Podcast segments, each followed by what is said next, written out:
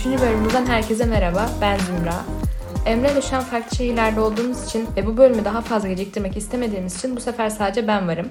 Instagram hesabımızdan sıradaki bölümün konusu ne olsun diye bir anket yapmıştık ve sürdürülebilir ekonomi hakkında bölüm istenmişti. Fakat ülkemizde yaşanan deprem felaketinden ötürü bu bölümü yayınlamak istemedik açıkçası. Ee, biraz daha konuyla alakalı bilgilenebileceğimiz bir şeyler hazırlayalım istedik. Hepimize çok çok geçmiş olsun ve başımız sağ olsun. Gerçekten hem çok üzgünüm hem çok sinirliyim hepimiz gibi. Gündelik hayatımızda yaşarken aslında çok basit olan şeylerin bile ne kadar önemli olduğunu gözden kaçırabiliyoruz.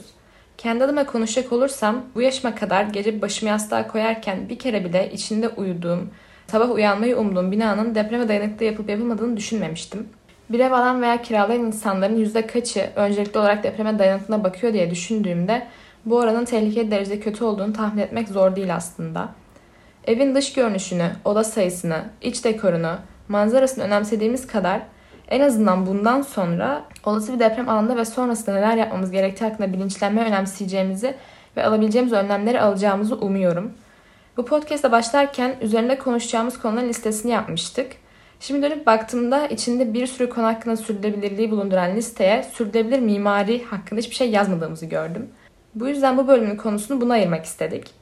Hatta şöyle ki sürdürülebilir mimari hakkında iki bölüm yapacağız. Bu bölüm ağırlıklı olarak enerji kaynaklarını kullanma kısmı ile ilgili. Ama ben İstanbul'a döndüğümde Emre ile ve de e, bu konuda uzman birisiyle depremle ilgili biraz daha yapı ve zemin hakkında konuştuğumuz bir bölüm kaydetmeyi düşünüyoruz. Umarız hayal ettiğimiz gibi faydalı olacak bir bölüm yapabiliriz. Bir video izlemiştim. Orada diyordu ki mimari sürdürülebilirlik dendiğinde aslında altına birçok alt başlık beraberinde geliyor. Mesela ekonomik sürdürülebilirliği, sosyal sürdürülebilirliği, enerji etkinliğindeki sürdürülebilirliği, insan sağlığı açısından sürdürülebilirliği gibi gibi birçok faktörü birlikte düşünmek gerekiyormuş. Ee, insanlık yüzyıllar öncesinden beri kendisine barınacak yerler inşa etti ve etmeye devam ediyor. Ve mimarlığın tarihine baktığımızda günümüzün aksine birçok konuda eski yapıların daha sürdürülebilir bir çerçeve içerisinde kaldıklarını görüyoruz. Mesela eski çağlarda insanlar neler yapmışlar? Tapınaklar yapmışlar, kayaları oyarak evler yapmışlar, antik kentler yapmışlar. Ve bunları yaparken de güneşin geliş açısına, rüzgarın geliş yönüne, su kaynağına yakınlığına, tehlikeli bir mekanda mı, mesela hangi hayvanın yaşam alanı yakınlarında gibi gibi aslında tüm iklim ve çevre şartlarını göz önünde bulundurarak kendilerine barınma yerleri tasarlamışlar. Yani aslında uymak zorunda olduğumuz çok basit kurallar var ve belki de tüm bu iklimsel kısmı bir kenara ayıracak olursak hani en basit örnek olarak yüksek katlı binaların kayalık zeminlere yapılması gerekiyor. Ya da e, yumuşak zeminlerde bir bina yapacaksak zemin güçlendirme çalışması yapılması gerekiyor ve bunlardan yine de oraya az katlı binaların yapılması gerekiyor. E, ya iklim ve yer şartlarını bir sorun olarak değil de durum olarak görüp bu konu hakkında ne tür adımlar atsak daha iyi olur acaba e, diye sorarak bu sorunun cevabına göre hareket etmeliyiz. E, bu bölüm için araştırma yapmadan önce mimarlık dendiğinde aklıma sadece bir yapının tasarım tarafı yani dış görünüşü geliyordu. Ve de aslında bu kadar diğer disiplinlerle bağlantılı olduğunu bilmiyordum. Mesela bina yapmadan önce iklim bilimcilere o yerin yılda ortalama ne kadar yağış aldığını sormalıyız ki dış cephede ona göre suya çok dayanıklı veya daha az dayanıklı bir madde seçebilelim. Çok yağış alan bir bölgede suya dayanıksız bir dış cephe boyaması yapılırsa mesela bir sene sonra yine en baştan uğraşılması gerekir. Ve tabii ki bu hiçbir açıdan sürdürülebilir bir şey değil. İkinci olarak bir yapının tasarlanmasında ve modellenmesinde kullanılan bir sürü bilgisayar programı var. Binanın tasarımı dışında e, sana böyle rüzgarın geliş açısına göre bina nasıl etkilenir işte bina kaç derece kuzeyde veya güneyde olursa ya da birkaç kat daha çıkılırsa bu binayı nasıl etkiler gibi çok şey gösterebiliyor bu, bu programlar. Bir mimarın tek başına hepsinde uzman olması tabii ki de çok zor. O yüzden bu programlarda uzman olan insanlarla birlikte çalışılmalı. Üçüncü olarak mesela e, kayalık bir yerde bir yapı yapmak istiyoruz. Bunu uzman jeologlarla görüşmeli ve onların fikirlerine göre karar verip buna göre o yapıyı yapmalıyız. Zeminciler, altyapıcılar, mimarlar, mühendisler, istatistikçiler gibi tür alanda uzman kişilerin ortak bir çalışmasının sonucunda aslında sağlıklı bir yapı ortaya çıkıyor. Bir canlının yaşamını tehdit edecek her türlü şeyden kaçınılarak maddi çıkarın önce canlının yaşamına ve iklime değer verecek şekilde yapılaşmak zorundayız. Ee, bunun başka bir çaresi, başka bir yolu yok. Bütüncül ve planlı bir yapılaşma şekliyle uzun yıllar bozulmadan, mimari kimliğini kaybetmeden, çevre zarar vermeden varlığını sürdüren ve çevre zarar vermeden varoluşunu tamamlayan bir süreç izlemeliyiz. Ama tabii ki de tüm bunların yanında konfor ve göze hitap etmesinin de önemini unutmamalıyız. Biraz da işte enerji tarafına bakacak olursak, ilk aşamada e, yani tasarım ve yapım süreçlerinde doğal kaynaklar minimumda kullanılmalı. İkinci olarak enerji tüketimini kontrollü gerçekleştirmek ve de son olarak çevre zarar vermeden yapım sürecini tamamlamalıyız. Aslında ben biraz ikinci aşama hakkında konuşmak istiyorum. Yani enerji tüketimi kontrolü gerçekleştirmek hakkında. Burada aklıma ilk etapta gökdelenler geliyor. Yapısına kullanılan beton miktarı, içinde yaşayan insanların tüketimleri, üretilen ısıyı dengelemek için devreye giren soğutma sistemleri veya soğuklarda ısınmak için harcanan enerji, aydınlatma gibi gibi bir sürü etken çevreye zarar vermek için yeterli sebepler aslında. Genel anlamda sosyal ihtiyaçlara hizmet etmekten ziyade güç ve zenginlik göstergesi olan bu gökdelenlere ülkeler sağ olsun bir takım sınırlandırmalar getirmeye başladı. Mesela Çin 500 metre üzerindeki kulelere yasak getirirken 250 metre üzerindeki kulelere kesin kısıtlama getirmiş. Umarız her ülke bu konuda gerekli tedbirleri alıp denetimi elden bırakmaz. Yüksek binalara çevreye duyarlı yaklaşımların ilk adımları 1980'lerde atılmış. Mimar Gordon Banshaft'ın 1982'de Cidde için tasarladığı National Commercial Bank buna çok güzel bir örnek aslında. Bu binanın görselini Instagram hesabımıza paylaşacağımız posta ekleyeceğim. Bu binanın çevreye duyarlı olması açısından birkaç tane önemli nokta var. Ama benim en çok dikkatimi çeken yer dış cephesi oldu. Gökdelen dediğimizde aklımızda oluşan görsel hep böyle bir e, yani cam kaplı bir dış cephe oluyor. Fakat bu anladığım kadarıyla çevre açısından çok zararlı. Bunu anladığım kadarıyla diyorum. Çünkü e, kimi taraf kimi mimarlar diyor ki işte argon boşluklu cam, üç katlı cam kullanırsak e, bu işte zarar verici olmuyor. Hatta tam tersine iyi oluyor diyorlar. Ama diğer bir tarafta en yüksek yalıtım performansını gösteren cam materyallerle kullanılmış olsa yine de basit bir yalıtımlı duvar kadar efektif olmayacağını savunuyor bunların. O yüzden ben de biraz arada kaldım.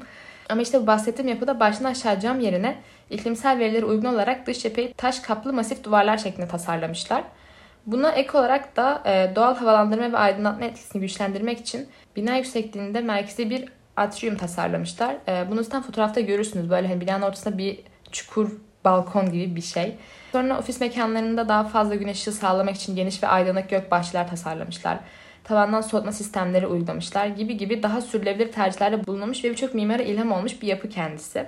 Umarız ilham olmaya devam eder. Enerji etkin yüksek bir binanın en önemli hedefi bir yıl boyunca mümkün olan en büyük oranda kendi enerjisini üretebilmesidir. Burada özellikle rüzgar ve güneş enerjisinin alabildikleri maksimum verimi almaları da çok önemli. Güneş enerjisini kullanmak dediğimizde aklımıza direkt olarak güneş panelleri geliyor. Fakat bunun kullanımına ilişkin bir takım sorunlar olabiliyormuş. Estetik kaygı ve yüksek verimlilik almak açısından çok miktarda panelin düzenlenmesi gerekliymiş. Bu konuya bir çözüm getirmek için de Center for Architecture, Science and Technology şirketi ve diğer mühendislik ve mimarlık firmaları bir araya gelerek çok güzel bir proje geliştirmişler. Adı da dinamik güneş cephesi. Bu cephe sistemi güneş ışınlarını kendi merkezlerine yönlendiren piramidal formda saydam camların petek düzeninde birbirine monte edilmesiyle oluşuyor. Her cam piramidin merkezine yerleştirilen lensler güneş ışığını 500 kat daha yoğunlaştırarak bir pul büyüklüğünde güneş hücresine yönlendiriyor. Aynı zamanda saydam bir cephe oluşturan bu teknolojiyle güneş ışığından ve ısısından %60-80 arasında bir verimlilikle yararlanmayı mümkün kılıyor. Bunun da fotoğrafını posta ekleyeceğim. Oradan bakarsınız. Böyle daha e, görsel olarak kafanızda oturur o zaman. Gerçekten böyle farklı disiplinlerden insanların bir araya gelip bir soruna çözüm üretmesi beni aşırı heyecanlandırıyor her zaman. Bir diğer doğal kaynağımız olan rüzgar enerjisini kullanmak için binalara rüzgar türbinleri koymakta bir çözüm önerisiymiş. Bunun hakkında bayağı güzel şeyler okudum ama burada sizi teknik bilgilerle boğmak istemiyorum. Fakat çok güzel bir tane yazı vardı. Onun linkini hesabımıza paylaşayım. Eğer ilginizi çekiyorsa ona bakabilirsiniz. Gerçekten çok güzel bilgiler vardı içinde. Türbinlerin nereye hangi işle konulmasından, büyüklüğü küçüklüğüne kadar birçok detay binanın bu enerjiyi efektif kullanmasına direkt olarak etki ediyor. Bunlar aslında yapı türünün görsel açıdan çevresel bir göstergesi olup kamu üzerinde de olumlu bir etki yaratan bir şey. Tam burada bir önceki bölümümüz greenwashing'e dönüyoruz. Her binaya hadi rüzgar enerji üretsin diye türbin koyamıyoruz tabii ki. Uzmanların sözlerine ve de verilere dikkat edilerek bunları yerleştirip yerleştiremeyeceğimize karar verilmeli. Mesela yılın çoğu zaman rüzgar almayan bir iklim özelliğine sahip bir yerde türbin koyup bizde işte çok çevreci triplerine girmek greenwashing'den başka bir şey olmaz. Bu arada türbinler sayesinde çok da verimlilik sağlayan yapılar da var. Bunların da örneklerinin fotoğraflarını ekleyeceğim. Son olarak çok ilgimi çeken bir projeden bahsetmek istiyorum. Bu Japon bir firmanın Wood 350 adlı bir projesi. 350 katlı ve %90 oranında ahşap kullanılarak tasarlanacak bu bina gerçekten sürdürülebilir mimari yapılar açısından bir kilometre taşı olacak nitelikte. İlk başta düşünüldüğünde akla sağlamlık konusunda şüpheler düşebiliyor. E, fakat kullanacak lamine ahşap yani çelik kadar belki de ondan daha güçlü bir maddeymiş. Hem de daha hafif olduğu için taşınmasına daha az fosil yakıt harcanmış oluyormuş. Bu arada aklınıza ahşap kullanmanın ormanlara zararı konusunda endişe düşebilir. Yani şahsen benim düşmüştü ama araştırdım. Çeliğe nazaran yenilenebilen bir madde olduğu için e, kontrollü bir şekilde yapıldığında korkacak bir şey olmuyormuş. Artık yavaş yavaş bölümün sonuna geliyorum. Kısa bir şekilde özetleyecek olursam, binayı kullanacak olanlar için dayanıklı, emniyetli, sağlıklı, rahat ve ekonomik ortamların yaratıldığı, binaların ve çevrelerinin tasarım, yapım, işletim, kullanım, bakım onarım, yıkım veya yeni işlev kazandırma aşamalarında yani beşikten mezara tüm kaynakların etkin kullanılmış olduğu yapılardan bahsediyoruz bu e, sürülebilir mimari dediğimizde. Aslında en basit örneğiyle ilkokulda mı ortaokulda mı ne e, Türkiye'de hangi bölgede ne tip evler yapmamız gerektiğini işliyorduk derste. Karadeniz fazla yaşlı olduğu için ahşap kullanmalı işte. İç Anadolu bölgesine kerpiç evler yapmalıyız gibi gibi. Ben her seferinde yanlış yapıyordum bu soruları denemelerde. E, yani bu örnek bile aslında sürülebilir mimari örneği. Bu podcast'te her konuyu en basit şekilde örneklendirmeye özen gösteriyoruz. Çünkü aslında duyulduğunda e, farklı ve belki de zor olduğunu düşündüğümüz bu sürdürülebilirlik kavramının hayatımızın birçok yerinde farkındayız. Farkında olmadan. E, sadece bazen daha yakından bakıp üzerine düşünmek gerekebiliyor. Umarım bundan sonra en başında yapmamız gerektiği gibi bilimin dediklerini göz önünde bulundurup kararlarımızı buna göre veririz. Hepimize tekrardan çok geçmiş olsun.